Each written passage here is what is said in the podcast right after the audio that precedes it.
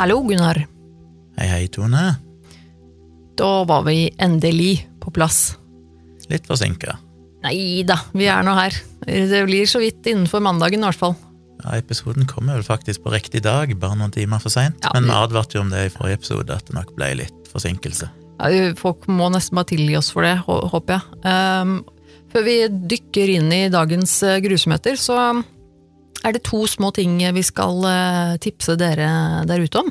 For vi har jo eh, først en kort liten sak. Vi laget jo en episode her, jeg husker ikke akkurat hvilket eh, episodenummer det er, men vi lagde en episode om White Island. Eh, Den, dette vulkanutbruddet på en øy, liten vulkansk øy rett utenfor New Zealand, hvor det var noen mennesker som ble drept og skadet. Um, og eh, faktisk nå, veldig nylig, så har en av de overlevende derfra har, eh, har vært med 60 Minutes Australia og laget en eh, ny sånn dokumentar eh, som er om hennes eh, liv etter det, rett og slett. Som jeg vil absolutt anbefale folk å, å se. Så vi skal lenke til den. Vi kommer til å legge ut en egen link på Facebook-siden vår, så apropos det, følg oss gjerne på Facebook. Der heter vi Virkelig grusomt podkast. Så vi legger en, en link der, rett og slett, til den. For I den eh, nye der så får du sett litt av brannskadene hun hadde, og òg hvordan hun ser ut nå som hun endelig, etter hva er det, to og et halvt år, var det? Ja. tatt av disse bandasjene på ansiktet, så får du se hvordan hun ser ut i dag, Mm. og hvordan hun opplever verden. Så Veldig interessant. Eh, Ja. Og I tillegg så har vi fått eh, et mail. Vil si vi får jo mail eh, forholdsvis ofte, vil jeg si. Det er jo kjempegøy. Det renner jo inn med tips til oss. Det er jo, vi er helt bortskjemte på tips, det er jo kjempegøy. Eh, Men i tillegg så hender det jo iblant at vi får mailer som dette her. For dette En som heter Irene har sendt oss en mail. som er til referanse til en episode vi gjorde for en liten tid tilbake, hvor vi snakket om dette med svovelsyre. hvor sendte du den mailen, Tone? Den, den, med, den smooth, Gunnar. Den mailen sendte hun til virkeliggrusomt at gmail.com, som er da vår e-mailadresse. Skjønte dere det nå? Dere, nå tenkte jeg det, nå, de, nå, skjø- nå skjønte de det. Uh, og da uh, skrev hun rett og slett at uh, Jo, for vi snakket jo om en, en hendelse hvor en eh, stakkars mann fikk rett og slett ødelagt eh, livet sitt, eh, mildt sagt, eh, med svovelsyre. Vi kan ikke spoile hele den episoden. De som vil høre om saken, kan jo gå tilbake og høre, høre den. Men hun skriver Hei, hei. I denne episoden sier dere at det heldigvis er vanskeligere å få kjøpt svovelsyre. Dette er dessverre ikke sant. Om du skal ha store mengder, ja, men én liter får man kjøpt på mange byggevarebutikker. Byggmakker, blant annet. Brukes som avløpsåpner siden den spiser opp betongrester, rust og bleier. Alt unntatt plast spiser den og blir kalt for rørleggerdynamitt. De fleste rørleggere vet hva dette er for noe og bruker det med omhu. Jeg jobbet i en liten bedrift ved navn og har stått øh, og tappet dette på flasker. Forferdelig stoff. Vi fikk inn 840 liter om dagen i IBC, som da tydeligvis er 1000 1000 liter dunk. Det var nytt for meg. Eh, Det er forferdelig det jeg hører her, og vil gjerne komme med tips som dere kan gi videre i podden deres. Om man er uheldig og får syre på seg, få av alle klærne dine. Tørk det verste av syra om mulig, og kom deg i dusjen fort som faen. Kommer man seg dit fort nok, går det relativt bra. Stå der lenge, med store bokstaver. Når syra kommer i kontakt med vann, reagerer den kraftig, og det er, en, det, og det er grunnen til at det kom røyk opp fra han eh, når det kom inn. Når han kom inn. Når Ja, ja nettopp. Ja, ja. For de fant han jo på utsida av Mm. et hus, og så ble han tatt inn Ja, i et hus. vi, er, så- vi er jo tross alt 90% vann, eller noe sånt. Ja, ikke sant? For at uh, kroppen vår også består jo av stor del vann. En gang, var, eh, en gang fikk jeg en, en bitte liten dråpe på armen og var nysgjerrig på hva som skjedde. Det tok ti sekunder før det begynte å svi, eh, som om noen tok en glo på meg. Denne flekken vokser stadig. Den er kun 0,7 cm stor, men startet med en så liten flekk at du ikke så den. Dette er nå ca. seks år siden. Ikke farlig for meg, eh, men det sier litt om hvor aggressiv denne dritten er, pardon my French. Her har dere fa faenskapet som da kan ødelegge liv for den nette sum av 117 kroner. Vedlagt en eh, link der. Jeg har ikke tenkt å kjøpe det, Gunnar. Eh, Jeg håper ikke noen der ute heller eh, gjør det, med mindre det er strengt, strengt nødvendig. Men nei, det var jo ganske interessant. Vi må jo si takk til Irene da, for, for at hun deler sine erfaringer med dette stoffet. Det høres helt forferdelig ut. Det gjaldt da episoden som heter Brennende sjalusi, som er episode nummer 55, for de som var nysgjerrig Fint. på hva det var. Det tok ikke jeg i hodet, nemlig. Og White Island, det var episode 66, og Ja. heter Tragedien på White Island. Ja, det er veldig kult å, å få sånne tilbakemeldinger fra lytterne våre, altså. Både med folk som har, har opplevd lignende ting, eller folk som har vært steder vi snakker om, eller sånne ting. Det er kjempe, kjempegøy, så gjerne send oss eh, mailer med det, fortsett med det, eh, eller eventuelt eh, kommenter eh, på Facebook-postene våre, hvis det er noe dere har lyst til å dele med alle lytterne våre, eksempel. Men eh, nå tenker jeg. Det var eh, nok babbel. Jeg vet ingenting om hva du skal snakke om i dag, Gunnar, for har, eh, jeg har ikke involvert meg i prosessen i dag. Eh, Så jeg er litt eh, spent, jeg. Ja. Så eh, jeg gir ordet over til deg. Hva, hva skjer da? Ja, vi har fått et lyttertips ifra Kaja, som ønsker å høre litt mer om Pan Am Flight 103. Å ja! Og det er jo, når jeg leste det tipset først, så tenkte jeg sånn, Æh, alle, alle kjenner jo til det. ja. Eh, men så går det opp for meg at jeg er en gammel mann blitt. sånn at uh, dette er jo noe som skjedde i 1988. De kjente Oi. Lockerbie-tragedien, eller hva du skal kalle det. Det var faktisk året jeg ble født. Ja, og for meg, jeg husker jo dette godt, og tenker sånn, ja, det jeg synes det er gøyere å snakke om ting som er litt ukjent for folk. Dette er jo en av kanskje tidenes, om ikke tidenes, mest kjente og berømte flyulykke eller terrorangrep. Men eh, så slo det meg jo at eh, mange av lytterne våre var sikkert ikke født engang da. Og for Nei. dem så er det bare en historisk hendelse som de kanskje ikke vet så mye om, så jeg tenkte det, kanskje jeg skal ta og, og snakke litt om den allikevel, for det, den er jo verdt å, å lære litt om. Ja, det er gøy, og øh, jeg håper å si meg inkludert, der, der vil jeg si. Jeg, jeg øh, tror ikke jeg vet så veldig mye om den hendelsen der, altså. så da tror jeg jeg kan ha mye å lære i dag. Og tipset kommer fra Kaja. Eh, Det betyr ikke at det ikke nødvendigvis det kan være andre tips om akkurat dette tidligere, så jeg bare ikke tar tak i det, så takk til alle som eventuelt har tipsa om akkurat denne historien. Men vi skal altså tilbake igjen til 1988. Vi skal til et flyselskap som heter Pan Am. Vet ikke om dere har noe forhold til det, men eh, det husker jo jeg veldig godt. Ja, for det fins ikke lenger. Nei, de gikk jo Nei. konkurs ganske kort tid etter denne tragedien. Å ja, ja, nettopp. Ja, nei, for jeg har jo hørt om det, i, i- men det er på en måte litt med negativt fortegn, så det er sikkert derfor, da. Ja, Det var jo en av de store flyselskapene i over 60 år, men så gikk de dukken. Mm.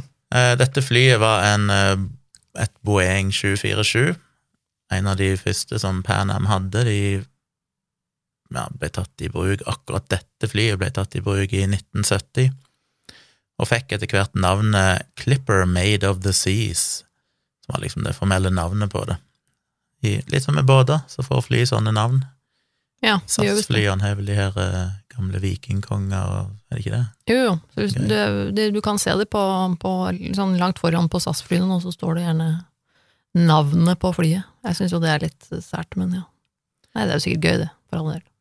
Flyet hadde flynummer 103, altså Pan Am Flight 103, og fløy litt forskjellige ruter. Dette var jo ei litt annen tid, med tanke på kanskje hvor strengt og organisert alt var, så jeg får litt inntrykk, uten at jeg kan mye om dette, som at her var det litt sånn flyene kunne bytte litt rute, litt mer tilfeldig og, og sånn. Akkurat dette flyet, da, flight eh, PA 103, eller Pan Am 103, skulle i dette tilfellet flyge fra Frankfurt til ja, det kunne ta forskjellige retninger, men Frankfurt til New York, eventuelt Frankfurt til Detroit, og det fløy òg da via Heathrow, flyplassen i London. Ok, så flighten vi nå i dag snakker om, det er en, altså fra Fra Frankfurt, Frankfurt via Heathrow til Heathrow, til da. New York, og så skulle du vel videre til Detroit etter Ja, okay. det tror jeg. Ja. Så det kom fram eh, til Heathrow terminal 3 den 21. desember 1988. Så dette var jo et fly som reiste fra Europa til USA rett før jul, og det var mange som rett og slett skulle reise hjem på ferie og sånne ting, hjem og feire jul. Mye amerikanere på flyet, en del engelskmenn, man får andre nasjonaliteter. Men det er jo alltid litt sånn spesielt når det, når det er sånn jule... Vi har jo snakket om juletragedier før. Ja. Julemirakel òg. Men det kom iallfall til Heathrow med masse passasjerer, masse bagasje, og, som en fant ut seinere, én koffert i lasterommet som ikke tilhørte noen passasjer. Oi, oi. Det pleier jo ikke å være et godt tegn. Nei. Eh, Det var litt eh, diskusjon jeg ser i den artikkelen jeg leser her, så sier de at det har vært I mange, mange år så har den meint at det flyet tok av når det skulle videre fra Heathrow, videre mot New York, at det var forsinka. Men de hevder her at det ikke stemmer. Eneste grunnen til at det i det hele tatt er så veldig interessant, er jo at i det flyet styrta, eller eksploderte, så hvis det hadde tatt av i henhold til den tid det egentlig skulle ta av, og den eksplosjonen ble utløst basert på en eller annen timer som skulle liksom trigge en eksplosjon på et fast tidspunkt, så ville det egentlig ha vært over Atlanterhavet når det skjedde. Men muligens fordi det var forsinka, så eksploderte det da når det bare hadde kommet fortsatt var over fastlandet og over Skottland. Jeg skal komme tilbake til de detaljene etter hvert, men Ja. det er litt uvisst om det faktisk tok av forsinka eller ikke, men det var iallfall på vei mot eh, JFK-flyplassen i New York, og letta vel, så vidt jeg vet, 18.25 på kvelden. Mm. Klokka 18.58 så tok flyet kontakt med Shanwick Oceanic Area Control i en by som heter Prestwick, og rapporterte sin eh, eksistens og bare sa at hei, her er vi, og alt dette her. Eh, Det var altså 1858. Klokka 19.01 så gjorde det en sving ved en sånn eh, eh, Hva heter det? En eh, slags, ikke fjord, men ei bukt eller et eller annet Mhm. eh, der det svingte av mot, mot USA. Og skulle egentlig ha kryssa ut over kysten da klokka 19.02. På dette tidspunktet så er det jo kommet fra London, som jo ligger veldig langt sør i England, og Mm. flydd basically rett nordover, oppover Storbritannia. Ja. Og så like etter det hadde krysset over grensa til Skottland, så mista en kontakt med flyet. Aha. På det tidspunktet så var det 31 000 fot oppe, altså 9400 meter, eller nesten 10 kilometer oppe i luftet, som jo pleier å være vanlig sånn marsjhøyde omtrent, og hadde en fart på eh, rundt 580 km i timen, eller 313 knop. Mm. Klokka 19.02,44 så var det en, eh, en av disse folkene som jobber på Shanwick, den her plassen de kontakta via radio, som skulle gi beskjed om at eh, dere har fri ferdsel utover havet. Men flyet responderte aldri på den meldingen, og denne her squawken, eller denne her eh, radioforbindelsen, den så ut til å blinke inn og ut fra dette flyet, så det er tydelig at de kan se at den liksom er online, eller se at radioforbindelsen er tilgjengelig, men den plutselig forsvant og kom tilbake og forsvant og kom tilbake. Aha. De prøvde å ta kontakt med flyet, fikk ikke noe svar i det hele tatt. Og en av de som så på radaren, og dette er jo i 1988, så er det sikkert en sånn god gammeldags svart radar med sånn grønne Og jeg bare ser for meg Lys som en gang sånne grønne streker, så er det sånn boop, boop, boop. Men det var kanskje ikke, det var kanskje ikke helt sånn, men sikkert noe lignende. En av de som satt og kikka på radaren og fulgte dette flyet, da, så plutselig at eh, denne her eh, punktet som egentlig var flyet, plutselig spredde seg utover i alle retninger. Nei, seriøst? Og i løpet av ganske kort tid, ja, i bare i løpet av åtte sekunder, så hadde det en spredning på nesten to kilometer What? i diameter, med forskjellige fragmenter. Så han så jo helt bokstavelig talt egentlig hva som skjedde, han da. Ja. Det er jo helt, det er drøyt. Så var det en pilot på et British Airways-fly som fløy mellom London og Glasgow, som var i nærheten, som plutselig rapporterte inn til skotske myndigheter at han kunne se en svær, eh, et svært flammehav på bakken. Oi. Når han da senere fant denne cockpit voice recorderen, så hører de på den en kraftig lyd klokka 19.02,50, altså seks sekunder etter at denne bakkekontrollen prøvde å gi beskjed om at de kunne hadde fri ferdsel utover havet. Ja, som altså er lyden fra Altså opptak av lyden om bord. Ja. Mm. Så det fant de etterpå. Så det, eksplosjonen er vel da tima til 1902-50. Ja. Og da dette skjedde, og jeg skal legge ved link til, det finnes mange videoer, noen veldig gamle, noen litt nyere, om denne hendelsen. Det er klart, når dette skjedde, så visste en jo fortsatt ikke hva som egentlig hadde skjedd. En visste bare at et fly hadde styrta, et Boeing 747, en visste jo hvorfor et fly det var, visste hvor mange passasjerer det var, og det var 259 passasjerer totalt, der elleve av de var crew. Mm. Så en visste at dette flyet hadde styrta, men visste ikke så mye mer. Så det tok jo ei stund med undersøkelser, selvfølgelig, før de fant ut at dette faktisk skyldtes en eksplosjon.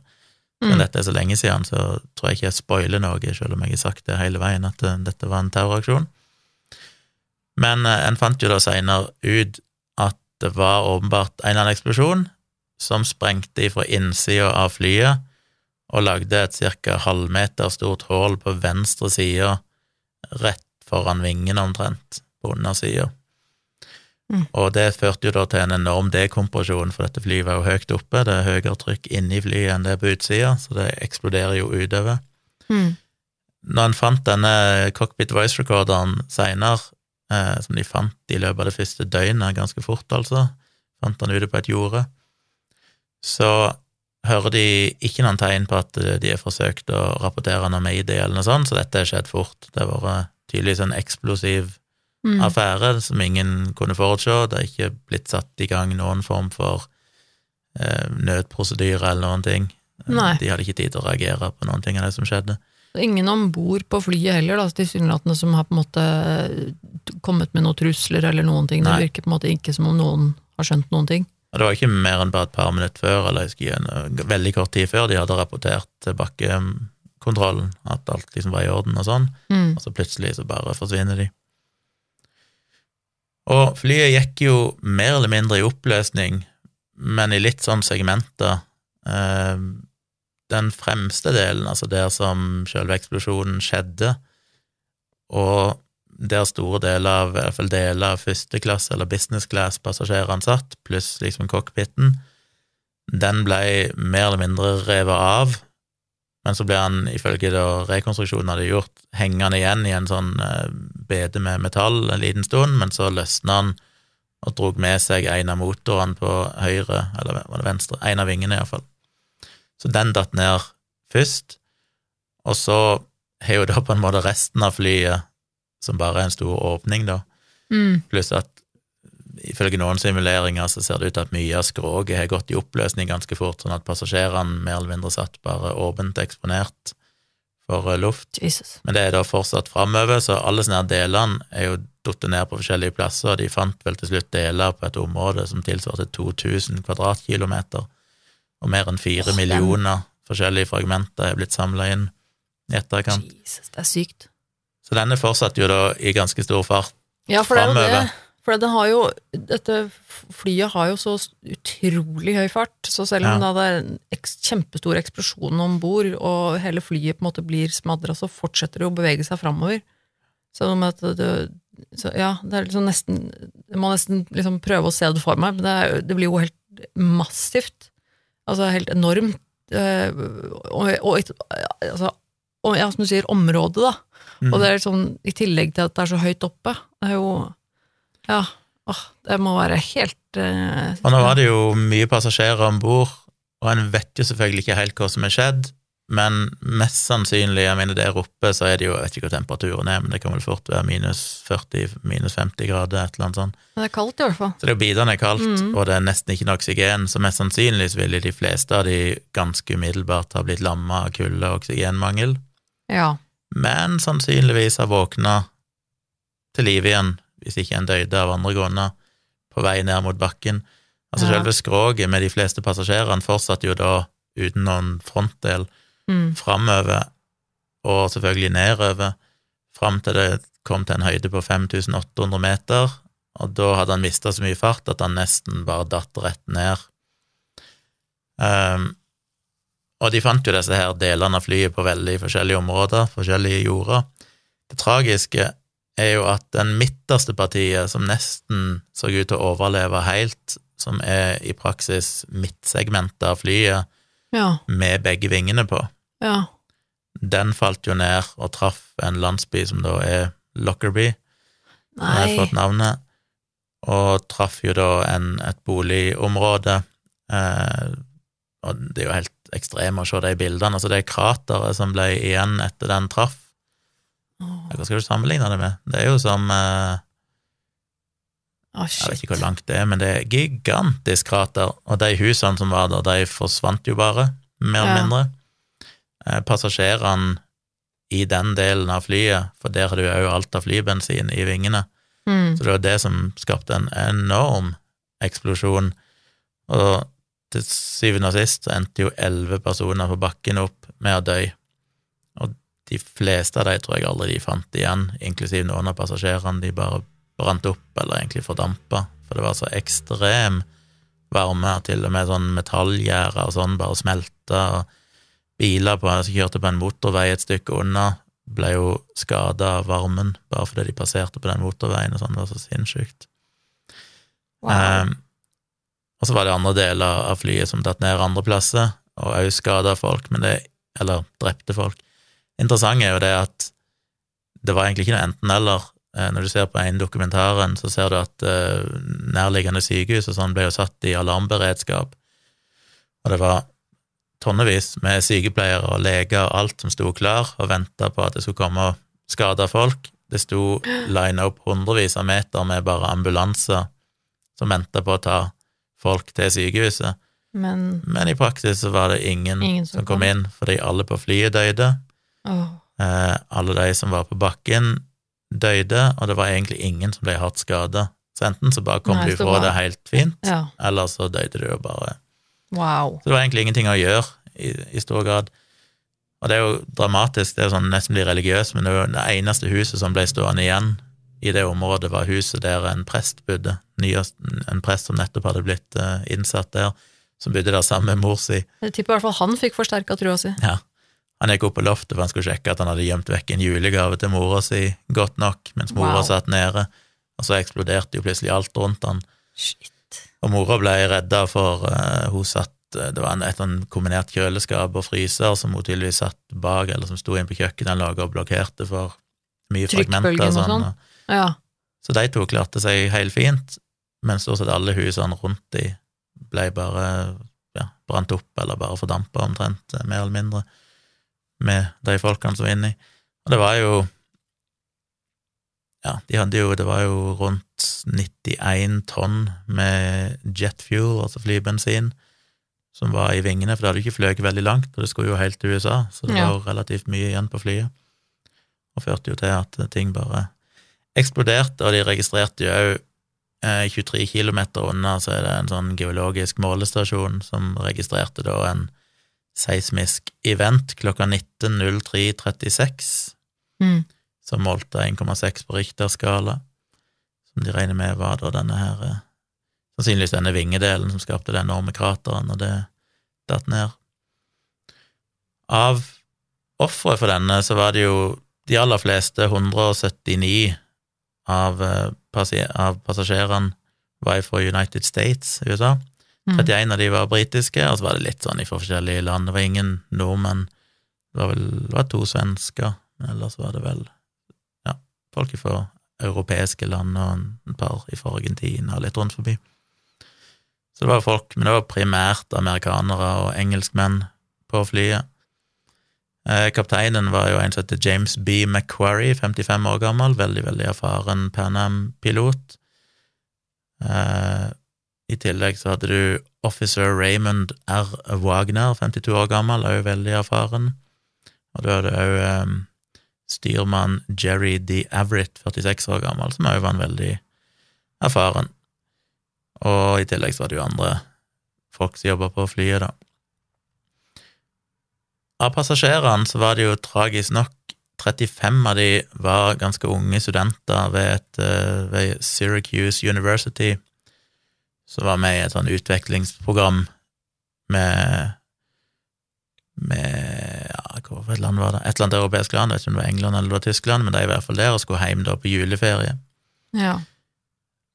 Eh, så var det noen kjente passasjerer, eh, relativt sett. Det var en eh, 50 år gammel FN commi com commissioner, hva det er på norsk, for Namibia, eh, som heter Bernt Karlsson, som egentlig skulle til FN og signere en eller annen traktat i New York. Det var en som het James Fuller, som jobba for Volkswagen, som òg var ganske kjent, tydeligvis. En irsk olympisk seiler som heter Peter Dix, og en rockemusiker som heter Paul Jeffries, og kona hans.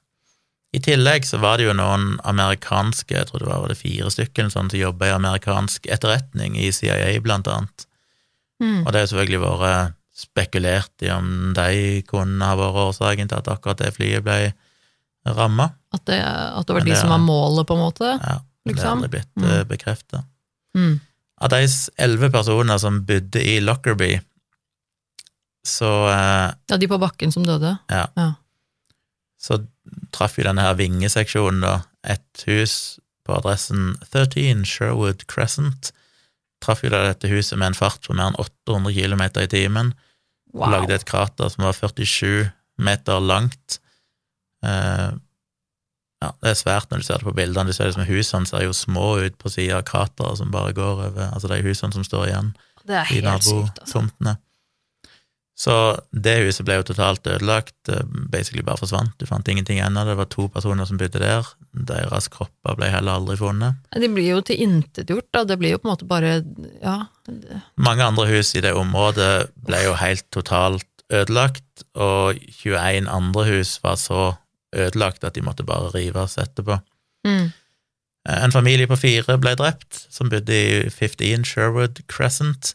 Det er jo Huset bare eksploderte jo når eh, det ble truffet av dette her. Eh, i, på adressen 16 Sherwood Crescent så var det et par med deres unge datter som ble drept. Og tragisk nok så hadde sønnen der gått ut i garasjen for å fikse søstera sin sykkel, da han så plutselig bare at huset eksploderte i flamme, og hele familien hans da ble drept Nei. mens han så på.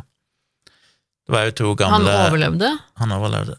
Oi. Det var jo to gamle enkefruer på 82 og 81 år som eh, døde, som bodde i et av husene der. Det var de eldste ofrene for denne her. Mm. Og alle de som bodde i både 15 Sherwood Crescent og 16 Sherwood Crescent og sånn, fant jo ikke igjen de fleste av de. Nei. De bare forsvant.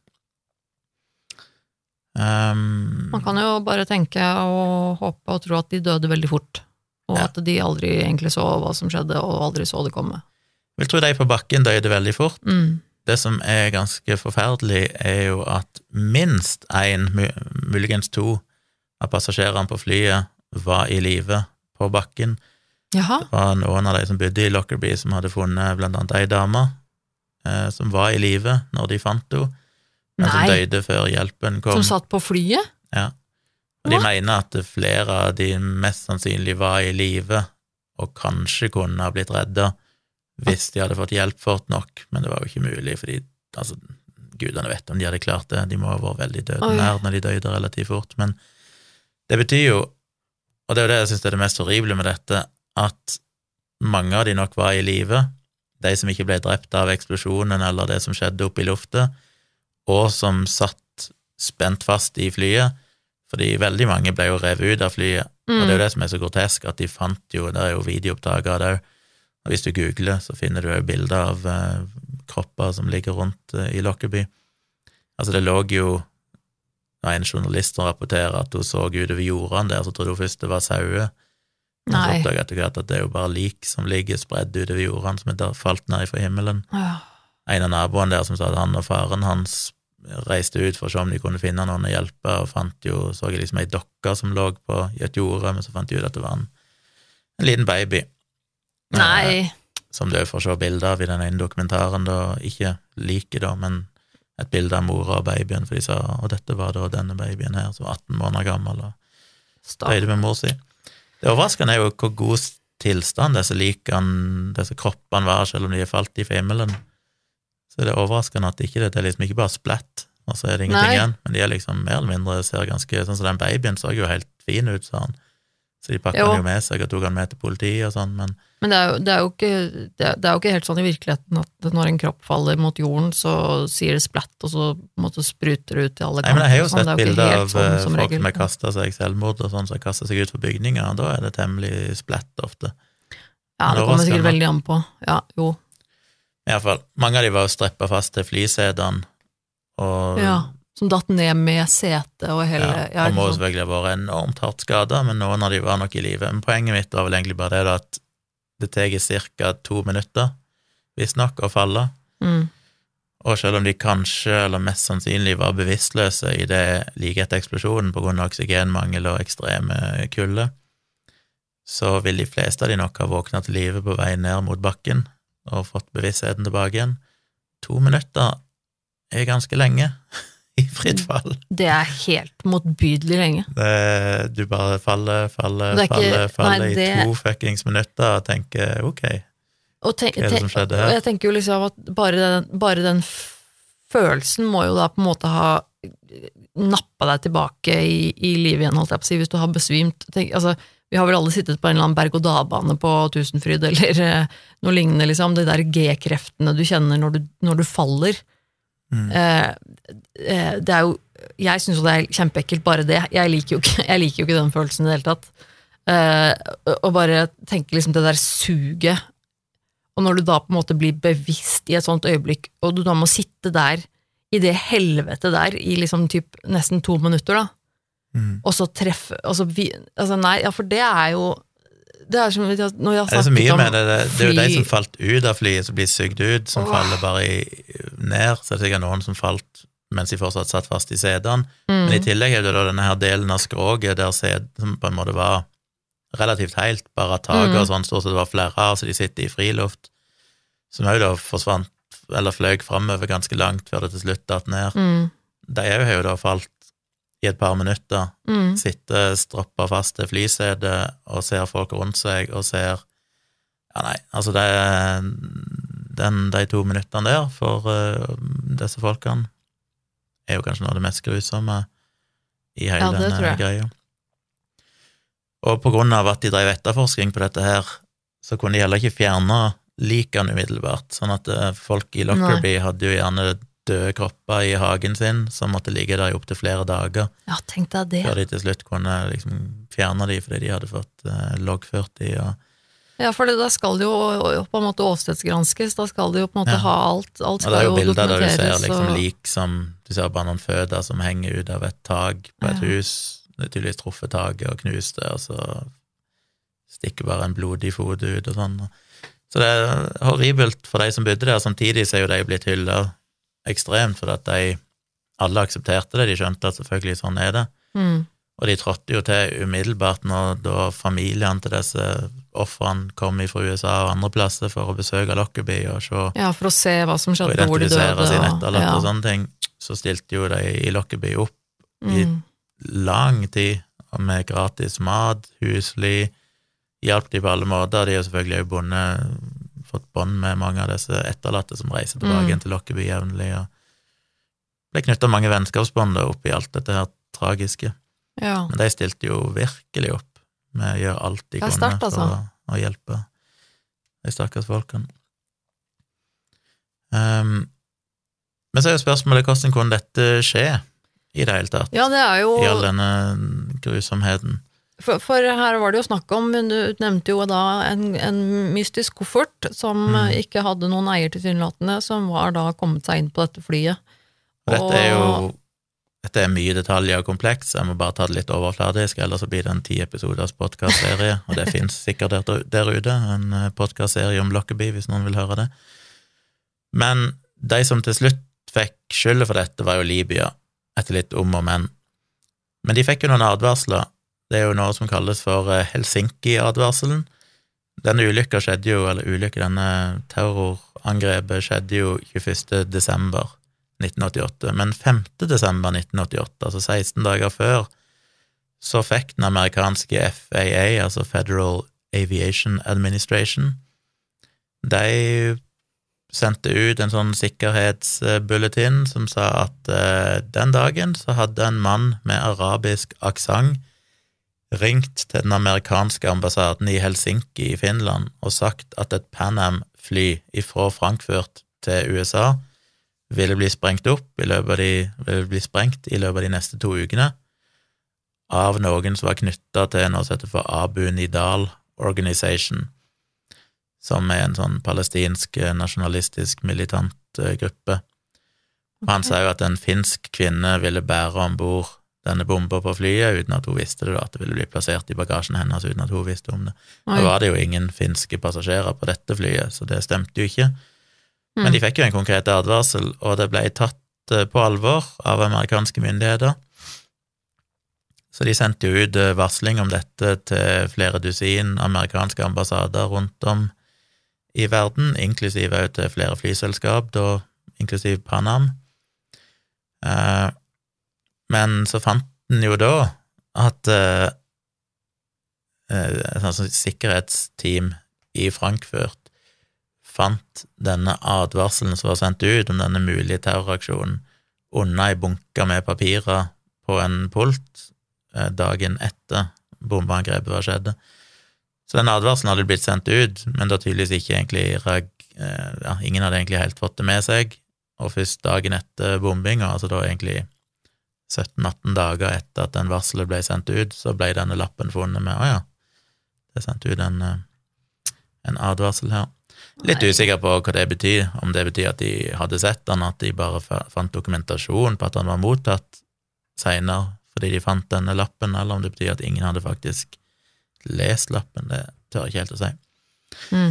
Eh, men det var mye der som var kritikkverdig. En av de som jobba på Frankfurt-flyplassen, hvis jobb var å se etter eksplosive eh, dingser mm. med røntgen, fortalte senere ABC News at hun ikke hadde lært hva Semtex var, som en sånn plastisk eh, eksplosiv, Aha. før elleve måneder etter denne bombinga.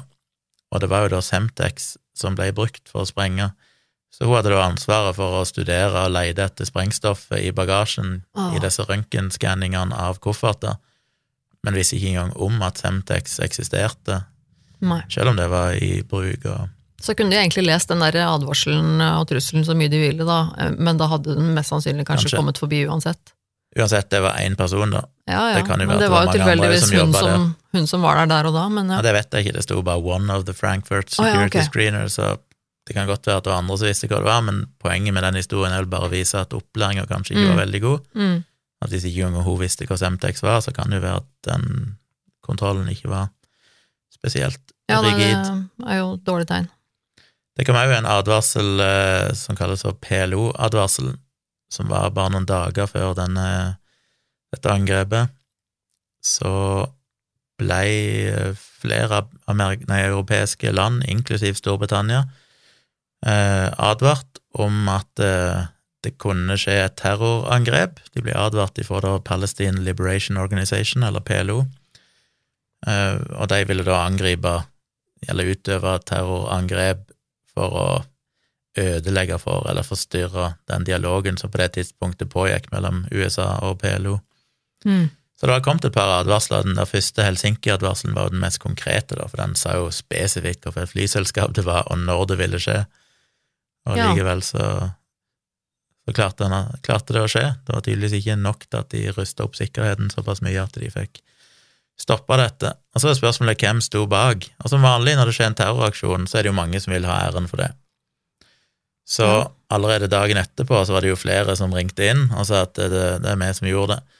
Først var det en mannlig person som ringte inn til amerikanske, tror jeg, myndigheter og sa at han representerte noe som heter for Guardians of the Islamic Revolution, han sa at eh, dette var et angrep de hadde gjennomført for å hevne seg for at amerikanske styrker hadde skutt ned Iran Air Flight 655 eh, noen måneder tidligere over Den persiske gulf. En annen som ringte inn, sa han representerte Islamic Jihad Organization. Han sa at de hadde planta denne bomba. En annen ringte inn og sa at, dette, at det var Mossad, altså israelske etterretningsmyndigheter, som sto bak dette og litt sånn. Så det var mange forskjellige. Men til slutt så endte de opp med at de mente at det var Libya som sto bak Og her er det Dette er veldig Her er det mye å ta tak i, og en kan okay. bli ganske så konspiratorisk, fordi Aha. i alt det som skjedde etterpå, så har det, det vært mye rart som har skjedd i denne oh, ja. historien. Det endte opp med at uh, Muhammad Gaddafi tok ansvar for denne bombinga i 2003, okay. selv om han sier at han aldri beordra dette angrepet. Det er usikkert. Det er kommet fram andre da, under den eh, borgerkrigen i, i Libya i 2011, så var det en tidligere justisminister som sa at han hadde bevis på at det var Gaddafi som hadde beordra at denne bombinga skulle skje. Det er senere blitt bestridt. Eh, Det var mye fram og tilbake. Det, mye, Mm. det var jo På slutten av 90-tallet vel, så hadde jo USA innført sanksjoner mot Libya, Mm. eh, og FN hadde sanksjoner mot Libya på grunn av påståtte terrorangrep, eller terrorangrep de hadde vært ansvarlig for. Og det er vel spekulert i at Gaddafi valgte å ta ansvar for den bombinga eh, for da å kunne betale ut erstatning til de etterlatte, men i bytte mot at både FN og USA fjerna disse sanksjonene mot Libya, ja. Og fjerna de fra ei liste over land som da var involvert i terror. nettopp, ja. Så det endte jo faktisk opp med at de eh, Skal vi se hva var beløpene her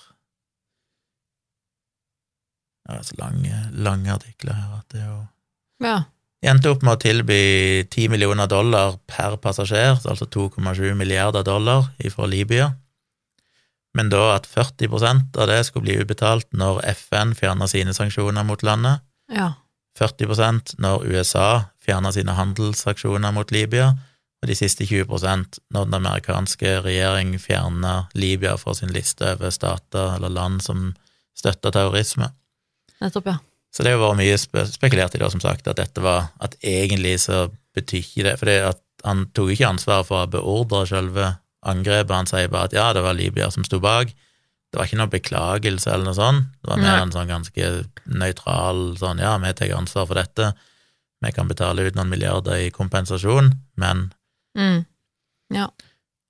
Det er jo nesten umulig å vite om det Ja, han hadde jo da motiver til å si at det Til å ta på seg ansvaret selv om det kanskje ikke var sant, så da er det jo på en måte ikke så godt å vite, kanskje. Ja, og hvis en går ned i detaljene, så er det jo ting som tyder på at det kan ha vært eh, ja, palestinske grupperinger, det kan ha vært syriske Altså, det var mange som Ja. Men uansett så kan vi fant da ut var involvert, eller kunne ha vært involvert i dette.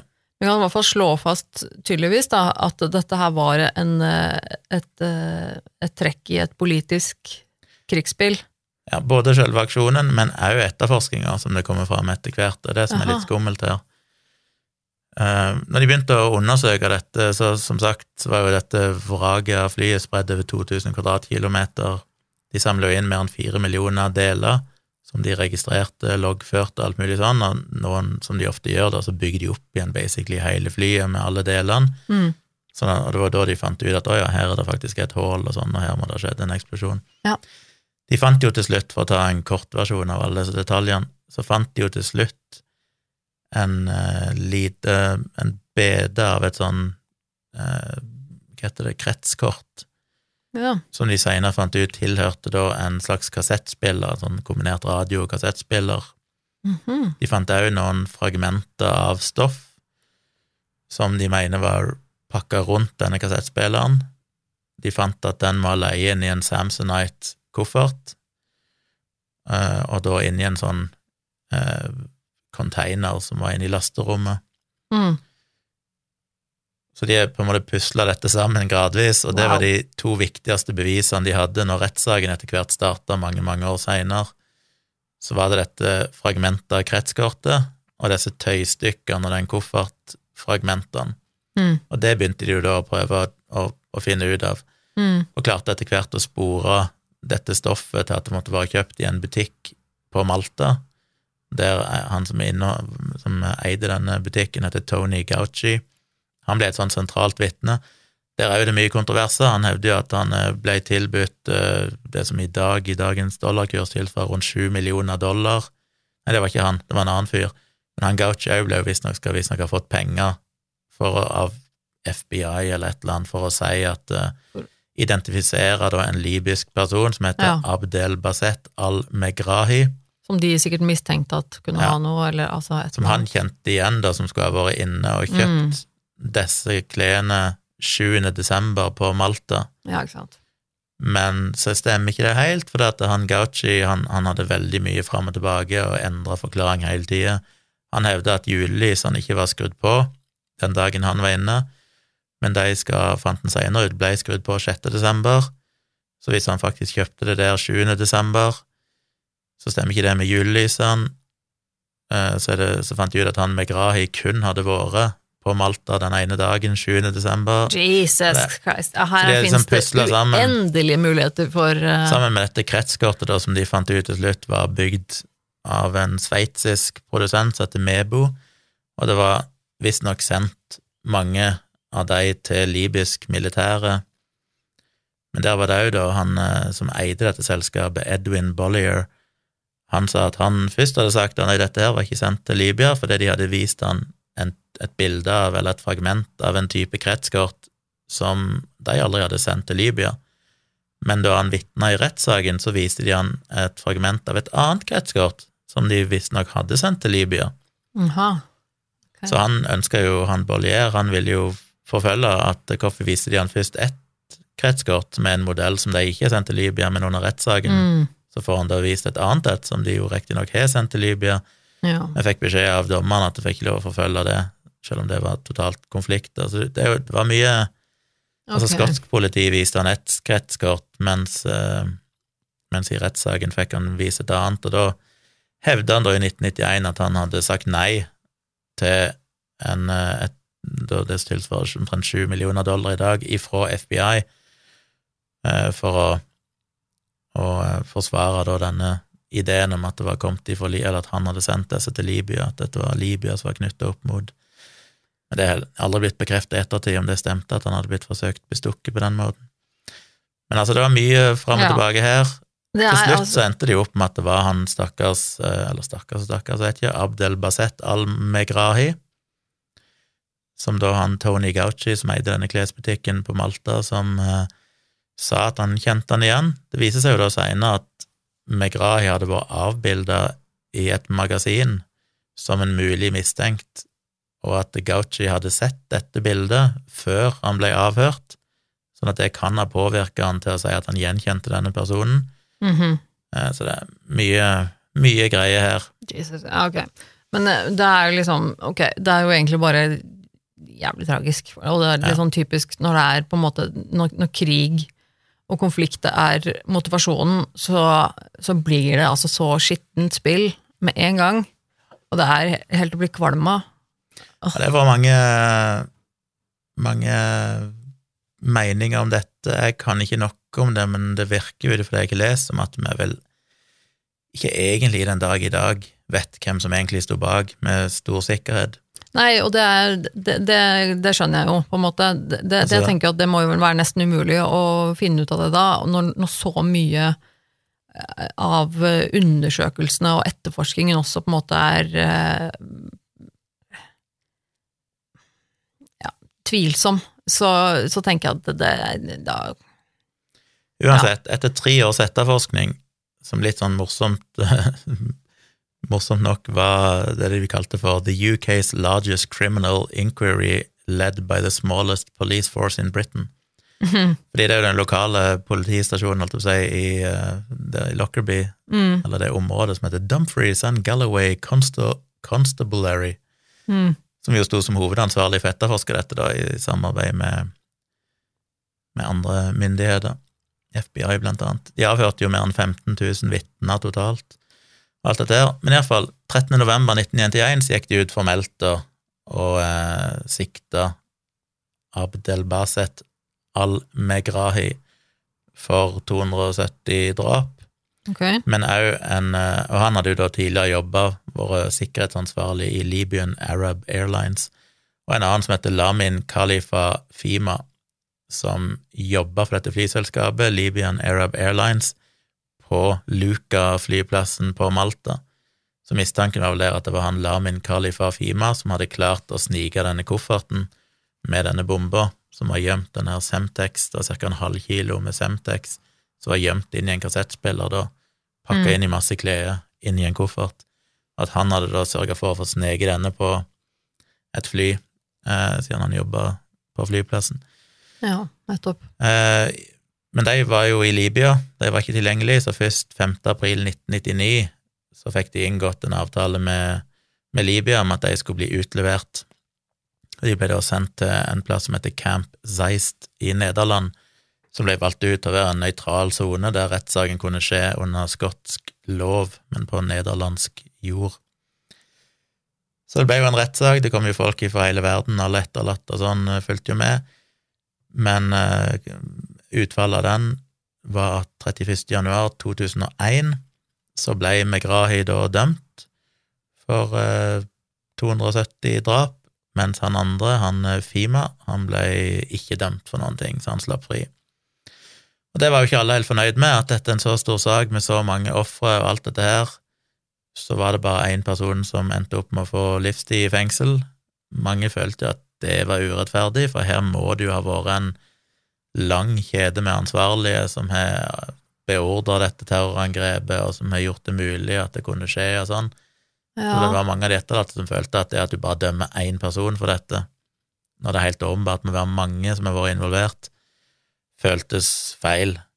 Og så var det vært så mye fram og tilbake. Eh, han ble, han ble vel holdt i fangenskap da i, på Camp Seist fra 1999 til, til 2003, eh, tror jeg, for det var vel en ankesak Mm. som eh, til slutt ble avvist, men så ble han jo sendt til Skottland da, for å sone i fengsel der. Og i 2009, tror jeg det var, så ble han sluppet fri Aha. fordi han hadde fått eh, dødelig kreft. Ja. Så på sånn on compassionate grounds ja. Så han, ble han frisluppen 20. august 2009 og sendt tilbake igjen til Libya til familien sin. Og der døde han av kreft i 2012. Og så kan en jo lese seg gal på alt av ankesaker og prosesser. Det har vært helt fram til nå, den, nå 2020 og sånn, så har det fortsatt vært ting Wow. fram og tilbake. Der mange mener at denne rettssaken er en farse. Det har vært ankesaker, de har blitt avvist.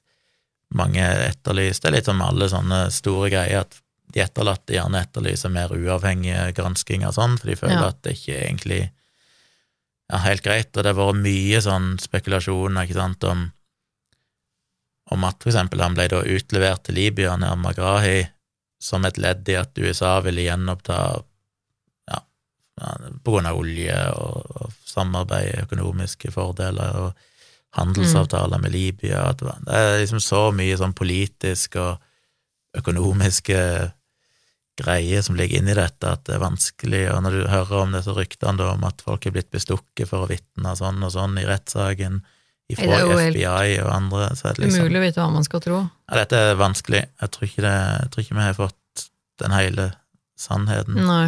ennå. Men det her er et sånt tilfelle hvor jeg tenker sånn, det her det, det kan jeg ikke tro at sannheten skal kunne komme fram lenger. Nei, det er nok for seint nå. Det er nok gått så lang tid også, så ja. Men i hvert fall det de endte opp med å argumentere med, var at Libya sto bak dette som en slags hevn for andre ting USA hadde gjort, Mm. forskjellige krigshandlinger og sånn. Um, Gaddafi vet en jo ikke helt om han, som sagt, tok noe ansvar for det sjøl, selv om andre mener at eh, ja, For eksempel sønnen hans sa jo noe som var litt morsomt. Han sa at uh, i et intervju i juli 2021 så sa sønnen til Gaddafi, Saif al-Islam, at faren hans had stopped riding his horse after the humiliation of the American bombing of Tripoli in 1986 and resumed riding it after the Lockerbie bombing. Ok. Så det var da et slags tegn på at han må ha vært involvert, eller iallfall syntes dette var helt topp, for da følte han han fikk æren tilbake igjen da etter Mhm. denne Lockerbie-bombinga, da kunne han ri på hesten sin igjen. Eh, så finnes det mange alternativer, det er jo egen Wikipedia-artikkel som bare handler om konspirasjonsteorier rundt denne, dette angrepet, da. Jeg merker at det, det er ikke noe jeg gidder å sette meg inn i med det første. Altså. Nei, det er bare akkurat i denne saken så er det sånn, ja, det, det er nok en hårfin linje mellom hva som kanskje er rene konspirasjonsteorier, og hva som det kanskje finnes en noe evidens for at Ja. det kan være noe i. Men ja, de her eh, Libya, som sagt, i 2002, når de da sa jo at de kunne betale ut den enorme erstatningen, er en del av familiene som ikke ville ha, så vidt jeg har skjønt, fordi de mente at det var Det føltes som at de kjøpte seg fri for ansvar på et vis, eller Mm. altså at Libya skulle liksom kjøpe seg fri for ansvaret uten at egentlig de rette folkene var blitt dømt. Ja, jeg Som jo skjønne krever Jeg vet ikke helt hva jeg syns om den. Det er jo liksom 15 år etter ulykka. Så vil de fortsatt ikke ta imot millioner av dollar i kompensasjon, fordi de mener at det ikke er riktig. Jeg tror, jeg tror ikke jeg er større ryggrad enn at eh, jeg hadde sagt ja, få pengene, men allikevel kjøre på med oh, Jeg, jeg ja. gir meg ikke, men jeg vil Shit. gjerne ha penger. Altså, det er ganske tøft Ja. hvis du sier sånn her er det mange millioner dollar. Nei, det syns jeg blir feil, det vil jeg ikke ha. Liksom. ja, altså av prinsipielle årsaker, liksom. En ting var hvis det Altså- skjedde rett etterpå, men 15 år etterpå Ja. så skulle en tro det hadde lagt seg litt, akkurat i den verste Ah, reaksjonene, shit, emosjonelle, sånn at du kanskje kunne tenke at ja, ja.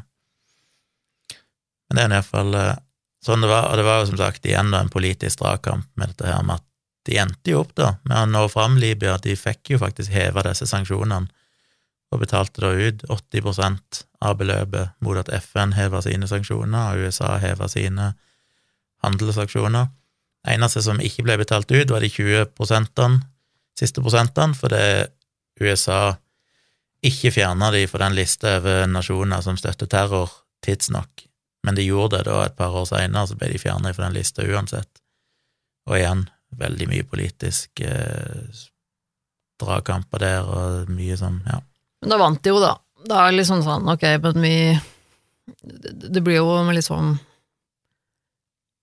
litt, litt sånn man snakker om på en måte kidnappingssaker også, hvor man krever løsepenger. Mm. Og dette spørsmålet om det altså skal man betale eller ikke, hvor man på en måte da vil Ja. i utgangspunktet si at aldri betal, for da vil du på en måte bare vise at, at det er verdt å kidnappe folk.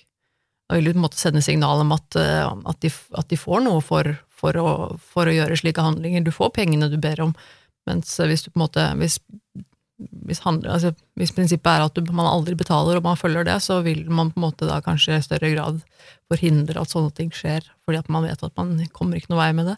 Men øh, vet vi også det at når det gjelder terror, så er det jo ofte litt annerledes. Eh, terrorhandlinger er jo ofte noe som ut, utøves for, eh, for terrorens skyld, og ikke nødvendigvis fordi man eh, skal ha noe konkret igjen for det. Nå gikk jo Pan Am konkurs, jeg tror det var i 2001. Nei, 1991, mener jeg. Ja, Bare tre år etterpå, knapt. men, Men det fortsatte jo rettssaker der òg, der Pan Am, eller iallfall forsikringsselskapene og sånn, prøvde å kjøre rettssak mot Libya for å få dekka sine utgifter. Eh, men de konk på grunn av altså, omkostninger rundt alt dette styret, hva det kostet med rettssaker og sånn, eller?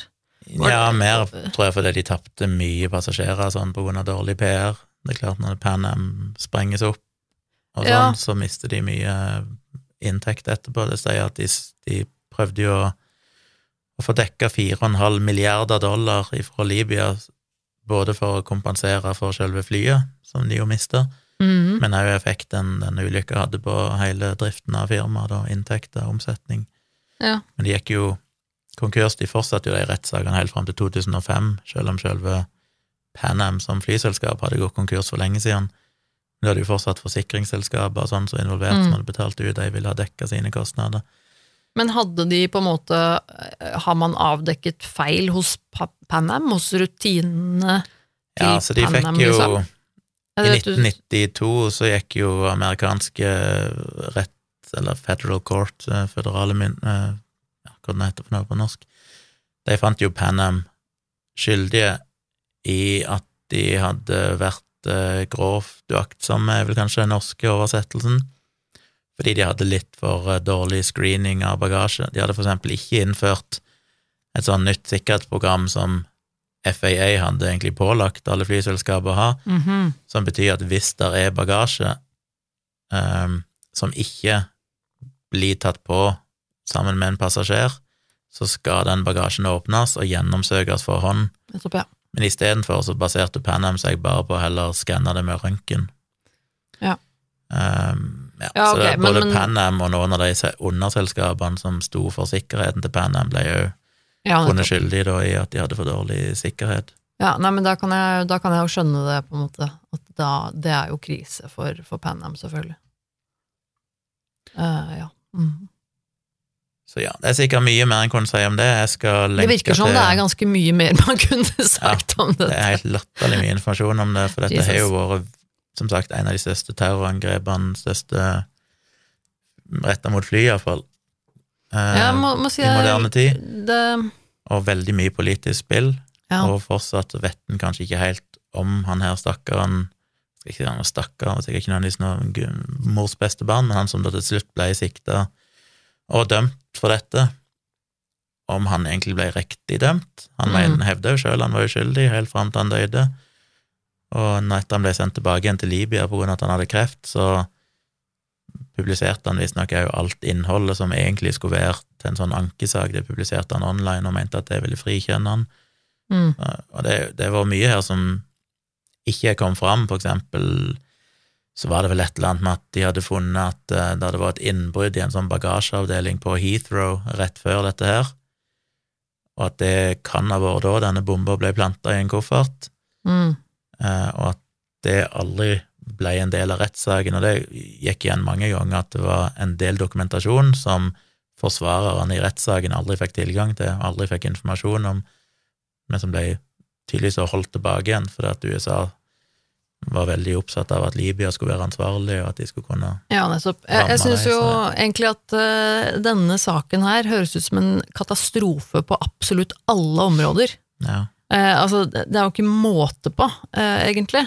Og jeg, jeg syns det er interessant å få det, få det fortalt eh, i sin helhet, fordi jeg har ikke fått med meg, eller kan, jeg, kan, ikke som jeg kan huske i hvert fall, eh, så mye av denne saken i det hele tatt.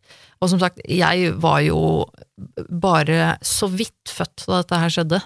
Eh, Så det er jo heller ikke noe jeg på en måte husker. Jeg har ikke noe forhold til, til liksom Panam eller, eller sånne ting også. Det er jo egentlig interessant. Det er sikkert flere, det er flere der ute som, eh, som, eh, som også har det sånn, holdt jeg på å si. Eh, Så det er Ja, jo Jeg husker det veldig godt. så, ja, selv om det er en Lockerbie. ja, for selv om det er en stor og liksom kjent hendelse, så vil jeg jo likevel si at det, det Når det er såpass lenge siden, så er det jo likevel noe som kan være interessant å, å fortelle om. Ja, det finnes som sagt mye videoer på YouTube. Jeg skal legge ved iallfall link til én som jeg syns var ganske bra, som er litt nyere dato, som viser både mye av de klippene på nyhetene som skjedde akkurat når det Mm. mens det fortsatt brant, og samme natta som eller Ja. ulykka skjedde og sånn. Men jo litt av det som har skjedd i ettertid, og intervju med etterlatte og sånne ting. Jeg må jo si at de, de det er, Sånn som det høres ut, så er det jo ikke noe tvil om at de menneskene som satt på dette flyet, de må jo ha hatt det verst her. Ja, da kan du jo rangere det på Det er det, det er det jeg er i gang med her. Uh, og, og jeg tenker jo, de menneskene på bakken som døde, det er selvfølgelig like tragisk, men jeg, hører, men jeg tenker jo at de, de slapp heldigere unna, på en måte, ved at de kanskje mest sannsynlig bare døde momentant, uten engang vite Ja. Eh, De så det ikke komme engang, liksom, mest sannsynlig. Men du er fortsatt den som han stakkars gutten som så familien Ja sin ja, for all del. Eh, men jeg tenker jo at de folka oppi det flyet her, det er jo noe som jeg har snakket om flyhendelser og flyulykker og sånne ting tidligere i denne podkasten her.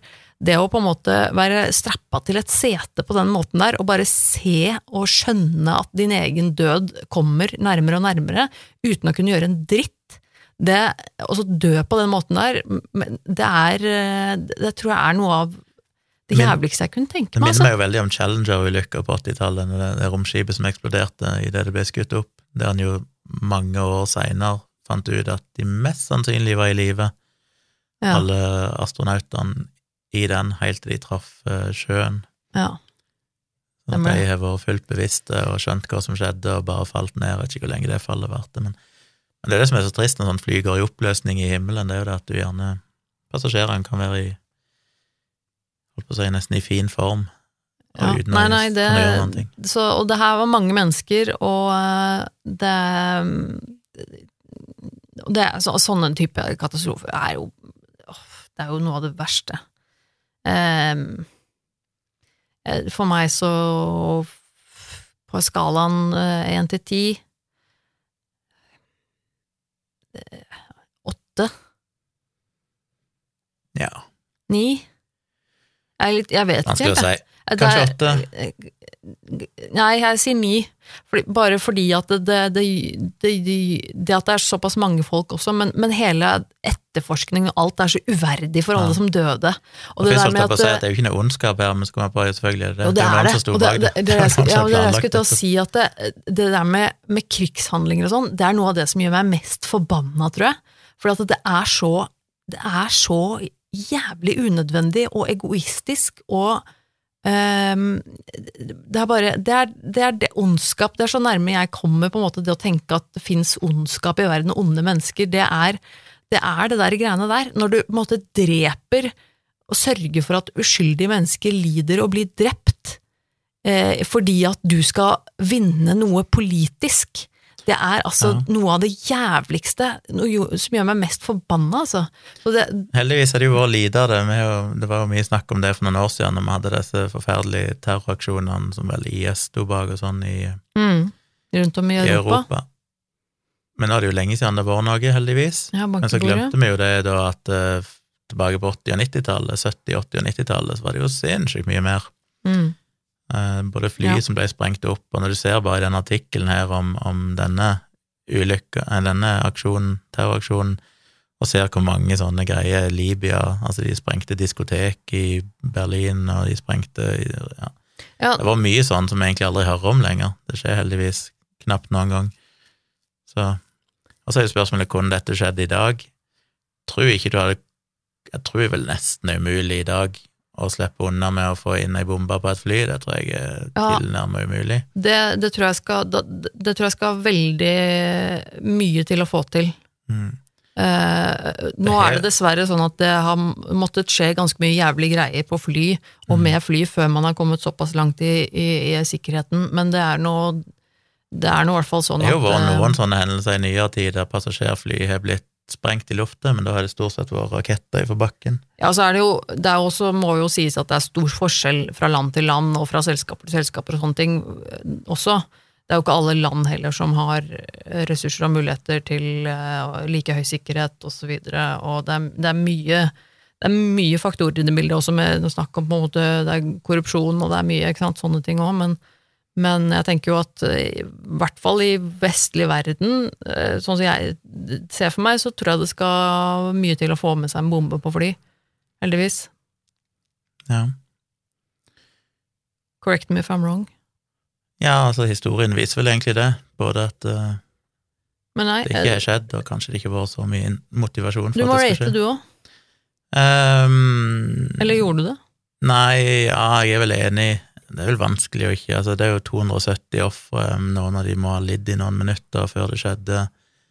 Det er noen jævler som står bak her, og det er stort politisk spill, og til og med de som er på den gode sida i gåsehud, liksom USA og sånn, er jo fortsatt delvis skyldige i dette, de òg, pga. de politiske Ja, de, behand, de behandla ikke dette noe bedre. Nei, jeg og ting de har gjort som kanskje er foranlediger dette igjen, og det er liksom ingen uskyldige parter her, og det er bare nei, det er ikke det. Og det er, bedriten og er, politisk krigsspill. ja, det er det. Og det er skikkelig respektløst og uverdig og på alle måter bare helt katastrofalt. synes jeg. Mange barn som døde helt ned til babyer. Og...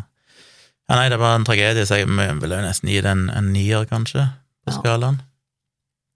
Så får vi jo høre hva dere syns. Ja, jeg gir en ni, og det er jo egentlig bare fordi at jeg vet det har hendt uh, tilsvarende hendelser som på en måte bare har vært enda, enda større, på en måte. Men dette er jo helt uh, 9-11. Det er Ja, men, ja, men ikke sant. Altså, sånn type, dette da. i sånn eh, Så, så der, er en måte, så sånn sett er det en nier. Ja. Men ja, vi vil gjerne høre hva du der ute syns, og om du i det hele tatt hadde visste så mye om denne hendelsen her, som, for det gjorde ikke jeg. Så det var litt interessant. Eh, Følg oss på Facebook, for der poster vi da eh, linker til dere som vil sjekke ut litt mer angående denne episoden her, men også det vi snakket om i begynnelsen av episoden. Så eh, Facebook, der søker du på Virkelig grusomt podkast, og så finner du oss der. Så sørg for at du følger oss der. I tillegg så setter vi jo alltid kjempestor pris på dere som sender oss mail på virkeliggrusomt at gmail.com med tips og tilbakemeldinger og, eh, og, og tanker. Det er utrolig kult. Vi, eh, vi, ser jo at vi stadig får flere lyttere. Og det er eh, denne podkasten, i hvert fall for min del, har gjort det over all forventning foreløpig. Jeg syns det er utrolig, utrolig kult at det er så mange som liker podkasten vår, Gunnar. Ja, husk å rate dere der dere kan rate dere, og så er det jo nå som dere sikkert har fått med dere, jeg tror det er en sånn liten greie i starten av podkasten som ikke mm. vi har noe kontroll over, men uh, det har jo kommet en ny app som heter Untold. Ja. Den kan du laste ned både til Android og iPhone. Uh, der får du jo da denne og mange, mange andre podkaster uten reklame mot et sånn månedlig abonnement. Og det er jo uh, fint du sier det, for det må vi jo også si, at uh, folk trenger ikke å være redd for at denne podkasten her kommer til å bli låst bak en betalingsmur. Det skjer ikke. For det er, det er forskjell på det og det som er med Untold, fordi uh, denne podkasten her, den er gratis. Den kan du høre på i alle podkast-apper helt gratis uansett, bare at da er det jo mer reklame. Men så er det jo noen av dere da som har lyst til å støtte litt ekstra, og som velger å betale for uh, Untold, og som da kan høre denne podkasten uten reklame. Uh, så, så, dere Hvis som har lyst til det Hvis du hører den på Untold, så støtter dere fortsatt. For da får vi, visstnok, uten at vi vet hva det er, så får vi drypper det noen ørepokker òg per person som hører på podkasten inne i Untold-appen. Ja, Men da slipper dere å høre på reklamen. Men han er fortsatt tilgjengelig på Spotify og i alle podkast-apper hvis ikke dere vil bruke Untold. Så det velger dere helt sjøl.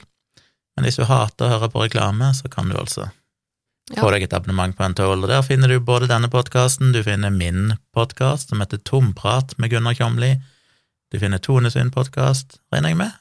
Jeg, tror det. Min podkast Nerve eh, Jeg har faktisk ikke sjekka om den har dukket opp der ennå, for jeg driver nå og uh, styre litt med sånn uh, fakturering med, med selskap og e enkeltpersonforetak, diverse. Men, uh, men, ja, det er planen. og du finner jo Dialogisk, som er meg og Dag Sørås og delvis Tone yes. sin podkast. Og et, en skokk med andre podkaster, som du alle da får reklamefrie hvis du bruker Untold-appen. Det var Så. dagens reklame, holdt på å si. ja, det vel mer en uh, public announcement. Nei, men det er sånn uansett uh, bare, bare, å takke til alle lytterne våre som, som støtter oss og, og, digger oss. Det setter vi veldig stor pris på. Ja, og da tror jeg vi runder av. Vi skal prøve å være tilbake med en episode neste uke òg, neste mandag. Mm. Tips alle dine venner. Husk å abonnere hvor du enn måtte gjøre det hen. Så høres vi igjen om ei uke. Yes. Ha det.